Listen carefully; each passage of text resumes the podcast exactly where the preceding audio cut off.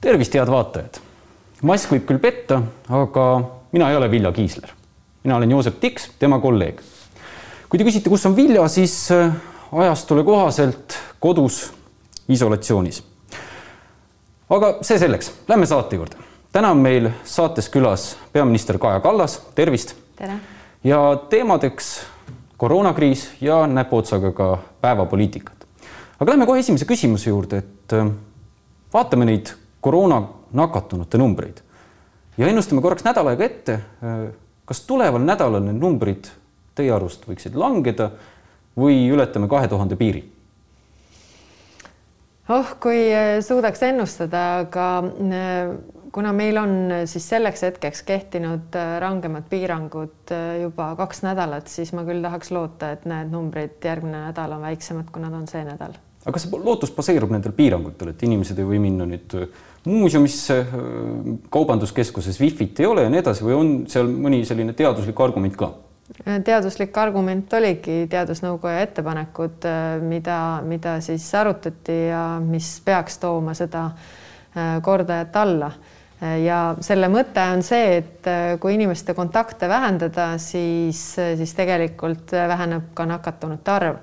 see nakatunute arv on tõepoolest väga plahvatuslikult äh, tõusnud ja äh, kui alles äh, nädal aega tagasi oli juttu äh, meditsiinisüsteemi juhtidega, siis ei olnud siis muret, et meditsiinisüsteem peab vastu, praeguste numbrite järgi on see mure olemas. kas see tuleb üllatusena, et haigla ravi vajavate patsientide arv on niimoodi plahvatuslikult kasvanud? seda, et ähm, et on kasvanud nakatumine nii äh, suuresti, nagu ta on kasvanud, äh, seda ei osanud ka haiglajuhid ette näha. Äh, ja sellest tulenevalt loomulikult kasvab ka haiglaravi vajavate inimeste arv.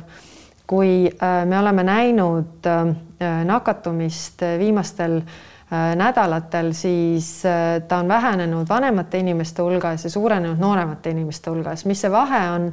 Vahe on selles, et nooremad inimesed reeglina põevad äh, kergemini ja ei satu haiglasse. raskemad juhud tulevad just vanematest, äh, vanemate elanike hulgast. Äh, kuna vanemaid elanikke riskirühmi me otsast ka vaktsineerime üle kaheksakümne protsendi, kaheksakümne aastastest on üle kahekümne kolme protsendi juba vaktsineeritud, siis seal justkui surve väheneb. Aga praegu on haiglasse sattunud nooremad, viiskümmend kuni seitsekümmend aastat vanad inimesed. Ja ja see on kindlasti murekoht. Ja murekoht on veel see, et et koormus just Põhjaregiooni haiglatele on suurem, seal on teatavasti ka muu ravi, mida teised haiglad ei tee, olgu see siis näiteks põletus Äh, haavad, millega tegeleb äh, just PERH, nii et, et selles mõttes kogu seda süsteemi peab vaatama äh, tervikuna, et see vastu peaks. mul oli reedel raadioeetris doktor Urmas Sule hommikul. Ja tema ütles, et kui see haiglapatsientide arv jõuab kuuesaja, seitsmesaja kanti, et siis on olukord juba täbar, tuleb plaanilist ja erakorralist ravi piirata. nüüd praegu on see number täna kuskil viissada kuuskümmend, kui ma praegu hetkel peast ütlen aga väga lähedal sinna kuuesajale. mõni päev veel samas rütmis, nagu need nakatunud tulevad ja haiglatel tundub, et on kööga, et mis me siis teeme? Mis on plaan B? Ehm, plaan on väga selgelt mitmeastmeline, et, et Terviseamet annab haiglatele kaks nädalat ette hoiatuse, et pange valmis rohkem voodeid Covidi jaoks ja praegu haiglad on valmistunud siis kaheteistkümnendaks märtsiks juba Äh, et neid äh, haigeid tuleb juurde. jah, see tähendab seda, et äh, teistes valdkondades peab plaanilist ravi vähendama, ehk siis inimesed, kes muidu tuleksid operatsioonile, need operatsioonid lükatakse edasi, et nende Covidi haigetega tegeleda. aga noh, minu meelest ongi see oluline, et küsimus, kuidas jõuda nende noorte inimesteni, kes peaksid ennast piirama selleks, et vanemad inimesed ei satuks haiglasse. et et, paradoks on selles, et noored inimesed näevad enda ümber põdevaid inimesi, et said Covid positiivse, oli üks päev Äh, kõrge palavik, võib-olla peavalu, aga suurt midagi ja nad ei võta seda haigust tõsiselt, ometi need, kes satuvad haiglasse, põevad seda raskelt ja väga kaua. Ja, ja meditsiinisüsteem paraku toimib nii, et, et meil on teatud arv hingamisaparaate, meil on teatud arv arste ja õdesid, kes peavad niikuinii Covidi osakondades töötama äh, mitmes vahetuses, üks vahetus on kolm tundi selles kaitseülikonnas, siis tuleb järgmine. Ja, ja neid inimesi meil lihtsalt nii palju ei ole, kes jaksaks nende haigetega tegeleda. mis me teeme nende noortega siis, et käivad, levitavad haigust ringi, no nüüd tuli ka koolivaheaeg peale ja ütleme, kuu aega ei pea isegi kooli minema. ma kujutan ette, pidu on äh, palju neil tulemas, et, mis üldse lahendus oleks? ega koolide kinnipanek üldiselt on igal pool aidanud äh, ikkagi nakatumist allapoole tuua, aga äh, soov on ka see, et noortele inimestele siis autoriteedid, nende eeskujud tegelikult ka kõneleksid, et nad saaksid aru, et on oluline piirata ennast. Äh, kuna me kevadel tulime sellest viirusest läbi äh, suhteliselt kergelt, siis kuigi piirangud olid karmimad, aga inimesed hoidsid tõepoolest, hoidsid distantsi, pesid käsi, kandsid maski, hoidsid inimestega vahet, siis hoidsid eemale rahvarohketest kohtadest, siis, siis praegu seda inimesed enam nii ei tee, sest inimeste ohutaju on alanenud. Ja, ja kuidas nendega noh, nendeni sõnumitega jõuda, me tegeleme erinevate äh, gruppidega eraldi, me näeme just, et nakatumine on suurem äh, muukeelse elanikkonna hulgas, et, et nendeni sõnumitega jõuda, et ikkagi äh, ennast siis piirata, sest see on ainuke asi, mis päriselt töötab no mõtleme sõnumid, sõnumid nendeni, ma ei tea, kas me saadame siis noortele Keter-Jaani ja Maardusse saadame siis Mihhail Kõlvarti rääkima või kuidas see peaks täpselt toimuma? Äh, Mihhail Kõlvart on kindlasti äh, neile inimestele eeskujuks ja, ja me soovime teda rohkem kaasata. Kuidas see käib, ma tahaks täpselt teada. No,. on ta see... juba öelnud teile, et, et jah, lähen räägin seal laval, ütlen inimestele, haigus on päris eks me selle peame temaga kokku leppima, aga neid kõneisikuid Vene elanikkonnale on veel eh, ka arstide hulgas, kes saavad olla eeskujuks mitte ainult käitumisega, enda käitumise piiramisega, et seda haigust piirata, vaid ka tegelikult vaktsineerimise eestvedamisega, et kui nad ennast vaktsineerivad, siis see on ka eeskuju teistele. me räägime väga palju, et inimesed peavad ise oma käitumist muutma. aga mis siis saab, kui nad ei muuda? kõik jätkub nii, nagu ta senimaani jätkunud inimene on selline, nagu ta on. E, eks e, siis on ju veel võimalik e, veel karmimaid meetmeid kasutusele võtta ja, ja tõepoolest nii nagu ka väga paljud riigid on juba teinud, totaalselt kõik sulgeda, et inimeste liikumine ära lõpetada. et, et see kuni komandanditundideni välja, et kontrollitakse, et ühtegi inimest tänaval ei ole.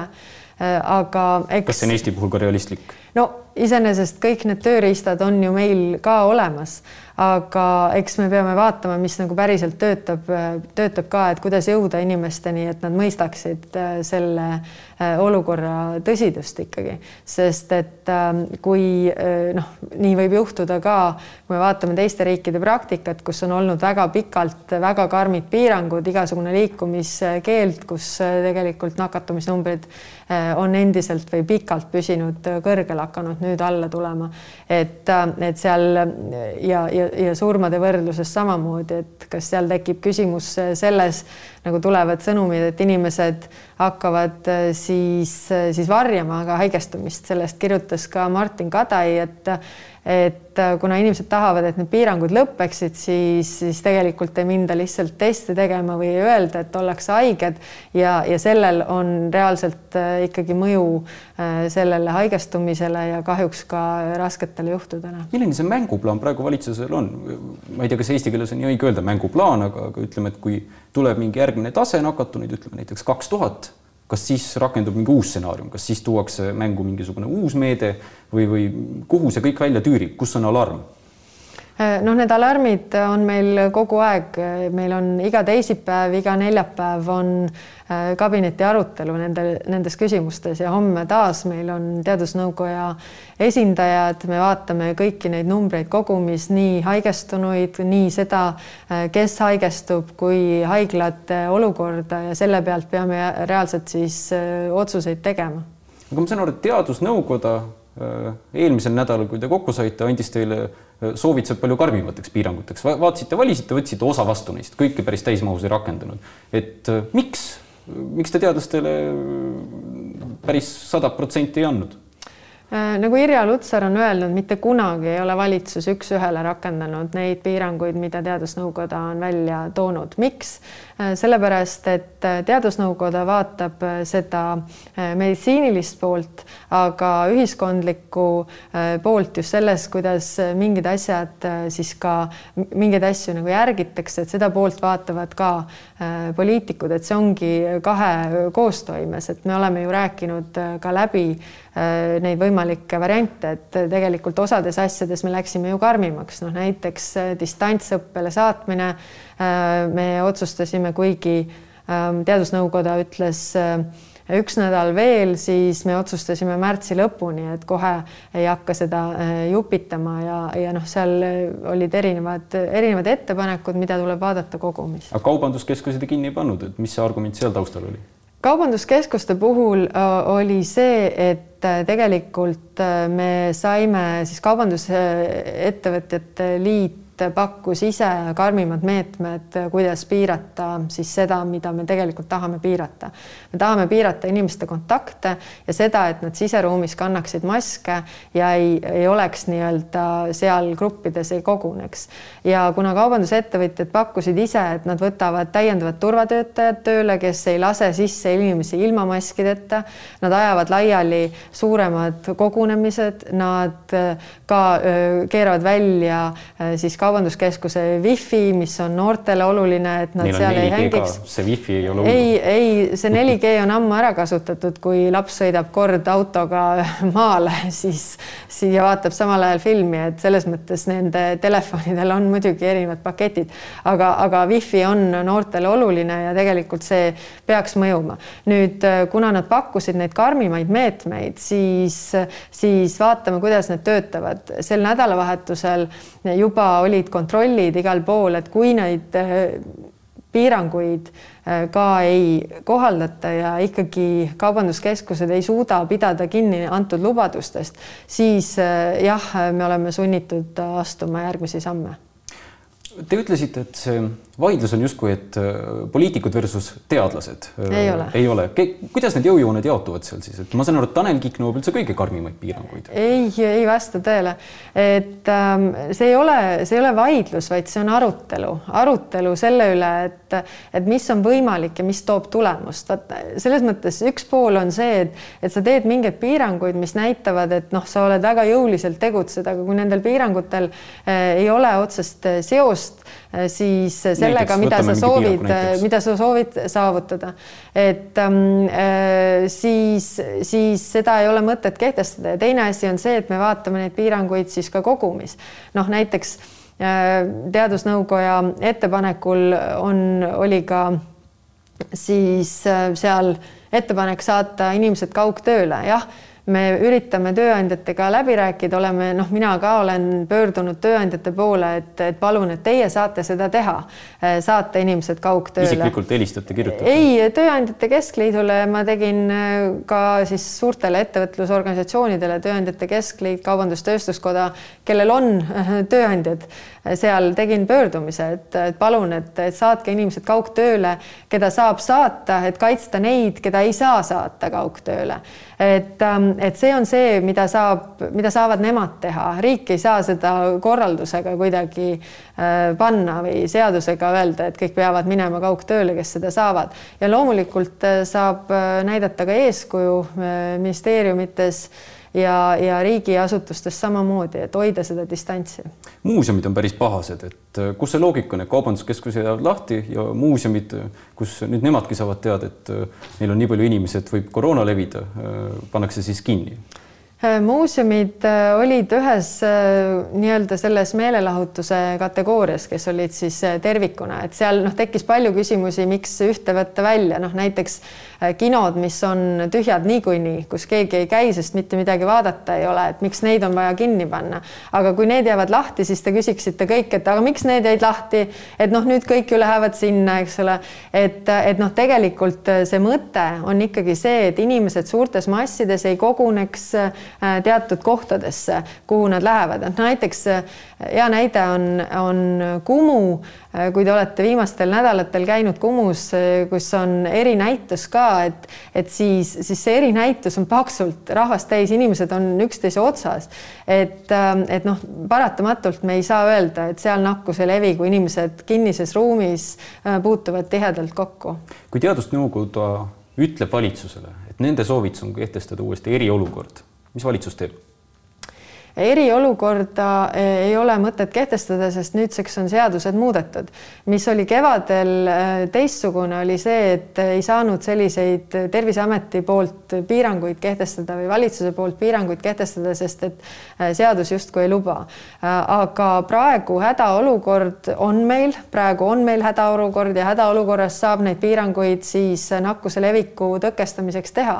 eriolukorda seaduse mõttes on vaja siis, kui meil on vaja tuua sõjavägi tänavatele, et, et see on nagu selline eraldi meede, et võib-olla see mõjub kõigile väga niimoodi jõuliselt, et noh, et jah, uhke sõna, aga, aga sisuliselt kõiki neid asju, mis meil on vaja teha, me saame teha ka ilma eriolukorrata. hädaolukorra seaduse järgi, aga kas hädaolukord on laual kaalutav variant? hädaolukord meil ongi praegu, hädaolukorda ah, sa ei pea välja kuulutama, sa ei pea tegema mingit, et noh, nüüd on hädaolukord hädaolukord, vaid hädaolukord on seadusele vastavalt, kui teatud tingimused on täidetud. Ja selline viiruse äh, lai levik on üks nendest tingimustest, nii et hädaolukord meil on. Läks vaktsiinide juurde, ma vaatan pühapäevased arvud, kolmsada kümme vaktsineeritud ja tuhat kakskümmend kaheksa nakatunut, et mul on tunne, et pühapäeviti ei jõua vaktsineerimine nakatumisele järele. Äh, jah, tuleb vaadata tegelikult tervet nädalat, et, et äh, eelmisel nädalal me vaktsineerisime rohkem kui üle-eelmisel nädalal ja kogu aeg tõstame äh, neid numbreid. et, et tõepoolest, mis puudutab pühapäeva, siis noh, minu soov on ka, et, et nädalavahetusel vaktsineeritakse samamoodi, aga seal tuleb kaks asja, ühelt poolt on see, et tervishoiutöötajad, kes niikuinii vaktsineerimist teevad, peavad tegelema ka nende samade Covidi haigetega ja on niikuinii suhteliselt äh, ülekoormatud, aga, aga teine pool on ka see, et need, kes vaktsineerima saavad tulla. nüüd ähm, meil on põhimõtteliselt kahe, kaks äh, plaani või kaks tasandit, üks on plaan, mis on meie vaktsineerimine siis, kui meil on äh, esiteks need eelisnimekirjad, keda me soovime vaktsineerida, õpetajad, päästjad, tervishoiutöötajad, hooldustöötajad, äh, politseid, et, et on see seltskond ja siis on riskirühmad. Ja, ja kui meil on vaktsiini piisavalt, siis juba täiesti üldised nimekirjad, kõik inimesed, kes siis vastavalt äh, vanustele saavad vaktsineerima tulla. nüüd senikaua, kuni meil on vaktsiini defitsiit, siis me oleme kokku leppinud, et kaks kolmandikku vaktsiinidest sest me kasutame ära riskirühmade peale just sellepärast, et tuua neid sellest riskist välja, et meil oleks vähem äh, raskeid haigusjuhtumeid. Ja üks kolmandik kasutame siis ära äh, nende eesliini äh, töötajate peale, keda ma ennem nimetasin. Ja, ja nädalavahetusel saab vaktsineerida eelkõige äh, neid eesliinitöötajaid, sellepärast et äh, riskirühmade vaktsineerimine toimub perearstikeskustest. noh, me oleme täna hommikul arutasime ka, kuidas seda paremini teha, et kui tekivad tegelikult võimalused ka seal eesliinitöötajate hulgas, et äh, kuidas siis riskirühmasid nendesse kohtadesse vaktsineerima saada, aga alates märtsi keskpaigast peaks meil tööle saama äh, digiregistratuur, kus sa saad oma vaktsineerimise aja panna kirja, et näiteks äh, täna Tallinnas on ajad täis, aga Raplasse saad minna, et siis sa saad äh, sinna. nii nagu koroona testimine. Raplasse sõita jah, aga, aga senikaua, kuni on vaktsiini defitsiit, peab olema selge, et kellel veel on nii-öelda eesõigus vaktsineerida ja, ja see peab töötama siis siis äh, ikkagi paraku piirangutega, mis on positiivne, positiivne on see, et et kaheksakümmend protsenti äh, kõikidest vaktsiinidest, äh, mis on Eestisse tulnud, on juba ära süstitud. Kümme protsenti hoitakse praegu teise doosi jaoks ja, ja peaksid varsti saama ka süstitud ja kümme protsenti on siis laiali veetud erinevatesse kohtadesse, kus vaktsineerimist siis teostatakse. kas meil on vaja lihtsalt rohkem vaktsiinimassi, et see jõuaks rahvani? nüüd, kui USA kiitis heaks selle Johnsons and Johnsonsi, kas see tähendab ka Eestile, et äh, meil on võimalus saada rohkem vaktsiini ja võib-olla, et enne maid äh, jõuavad inimesed vaktsineerimisse um,?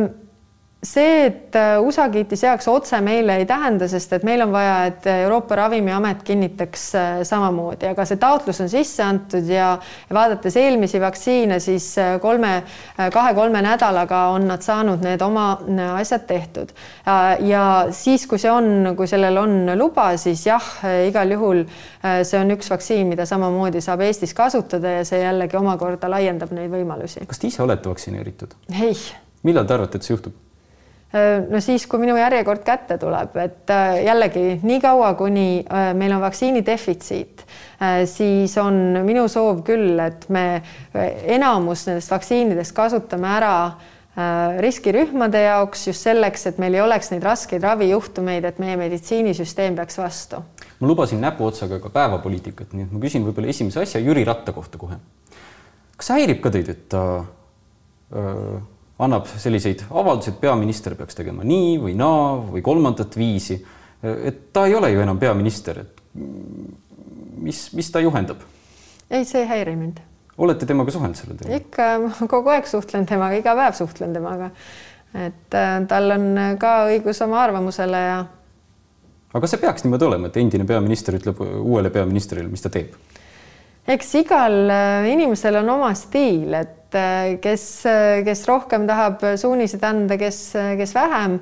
aga ma ei oska öelda, et ma arvan, et igal inimesel on õigus oma arvamusele ja, ja nii ka Jüri Ratasel. kui palju teil praeguses valitsuses Keskerakonnaga hõõrumisi ette tuleb, et kasvõi seesama, nagu ma enne mainisin, et Tanel Kiik tahab karmimaid piiranguid, teie tahate leebemaid, et kas see käib kuidagi erakonna liini pidi või seal on individuaalsed arvamused ministritel? Ehm, kõik piirangud, kõik otsused me oleme teinud konsensuslikult, et niimoodi ei saa öelda, nagu te ütlete eh, siin, et need arutelud on olnud ikkagi väga eh, mõistlikud ja ei saa küll öelda, et ühed tahavad üht ja teised tahavad teist, et et me arutame kõik asjad läbi. meie soov on, et see valitsus, valitsuse koostöövõime oleks hea ja, ja selle nimel me eh, töötame ja üldiselt õhkkond on hea, töine. töine jah, nii on, aga päriselt. EKRE esimees äh, Martin Helme oli siin Kroonikas, ütles, et temal oleks küll hea meel, ma ei mäleta täpselt, kuidas need sõnad olid, aga igatahes äh, temalt tuli positiivne signaal, et Jüri Ratas võiks saada presidendiks. et nüüd, kui me paneksime praegu Reformierakonna, Keskerakonna ja EKRE hääled Riigikogus kokku, saakski Jüri Ratta presidendiks ära valida, et äh, kas teie poolt tuleb ka roheline tuli? No kõigepealt peaks äh, Jüri Rataselt äh, küsima, et äh, kas ta soovib presidendiks saada, et siis kõik no, need kandidaadid, kõik need kandidaadid siis saab kaaluda, et meie soov on kindlasti president ära valida ja, ja vältida eelmise korra presidendivalimistel tehtud vigu, et mida suurema konsensuse me saavutame, seda parem räägiks sellest viimasest asjast ka, mis vahepeal kuidagi kerkib üles, aga tegelikult jääb koroona varju, vaenukõne. Ehm, miks seda vaenukõne kriminaliseerimist üleüldse meil vaja on, et mis probleemi see meie ühiskonnas lahendab? Ehm, põhiseaduses on kirjas, et vaenukõne eest on ette nähtud karistus, et kui sa kutsud üles teatud ühiskonnagruppi Äh, vaenama äh, ja need grupid on ka loetletud. aga tal peab olema kausaalsus, tagajärg. Äh, põhiseaduses ei, põhiseaduses on kirjas, et see tegu ise peaks olema karistatav. nüüd, kui me tuleme karistusseadustiku juurde, siis see on ähm, ainult kriminaliseeritud siis, kui noh, näiteks mina ütlen, et no kutsun üles kedagi vaenama ja siis lähen ise talle kallale ja siis, siis justkui selle kallale mineku eest saab inimese vastutusele võtta, aga mitte seda, kes üles kihutab. ja, ja ükskord meil oli juba see arutelu Riigikogus ja sealt joonistus välja tegelikult see, et, et äh, mulle tundub, et konsensus võiks olla selles osas, et äh, karistusseadustikus oleks raskendava asjaoluna kirjas ka see, et Äh, see on tehtud äh, vaenamise eesmärgil. miks see on oluline, ega sellest on ju pikki arutelusid, kasvõi David Vseviov on kirjutanud sellest, et, et kõigepealt sa teed kellestki vaenlase ja siis on loogiline järg sellele, et sa teed kellestki vaenlase, et ju loogiline on see, et kõik oleks hästi, kui teda ei oleks. oskate mõne näite tuua? ja see on ajaloost, see on ajaloost olnud, Srebrenica veresaun näiteks äh, viis täpselt sinna, et hakati vaenama mingit gruppi ja lõpuks tapeti üheksakümne viiendal aastal ära äh, vist kaheksa tuhat äh, meest. ja siinkohal ma peangi meie saate kahjuks lõpetama, sest saateaeg on otsa saanud. Ja nagu ütleb Vilja Kiisler, siis äh, head sõbrad, aitäh, et vaatasite ja vaadake jälle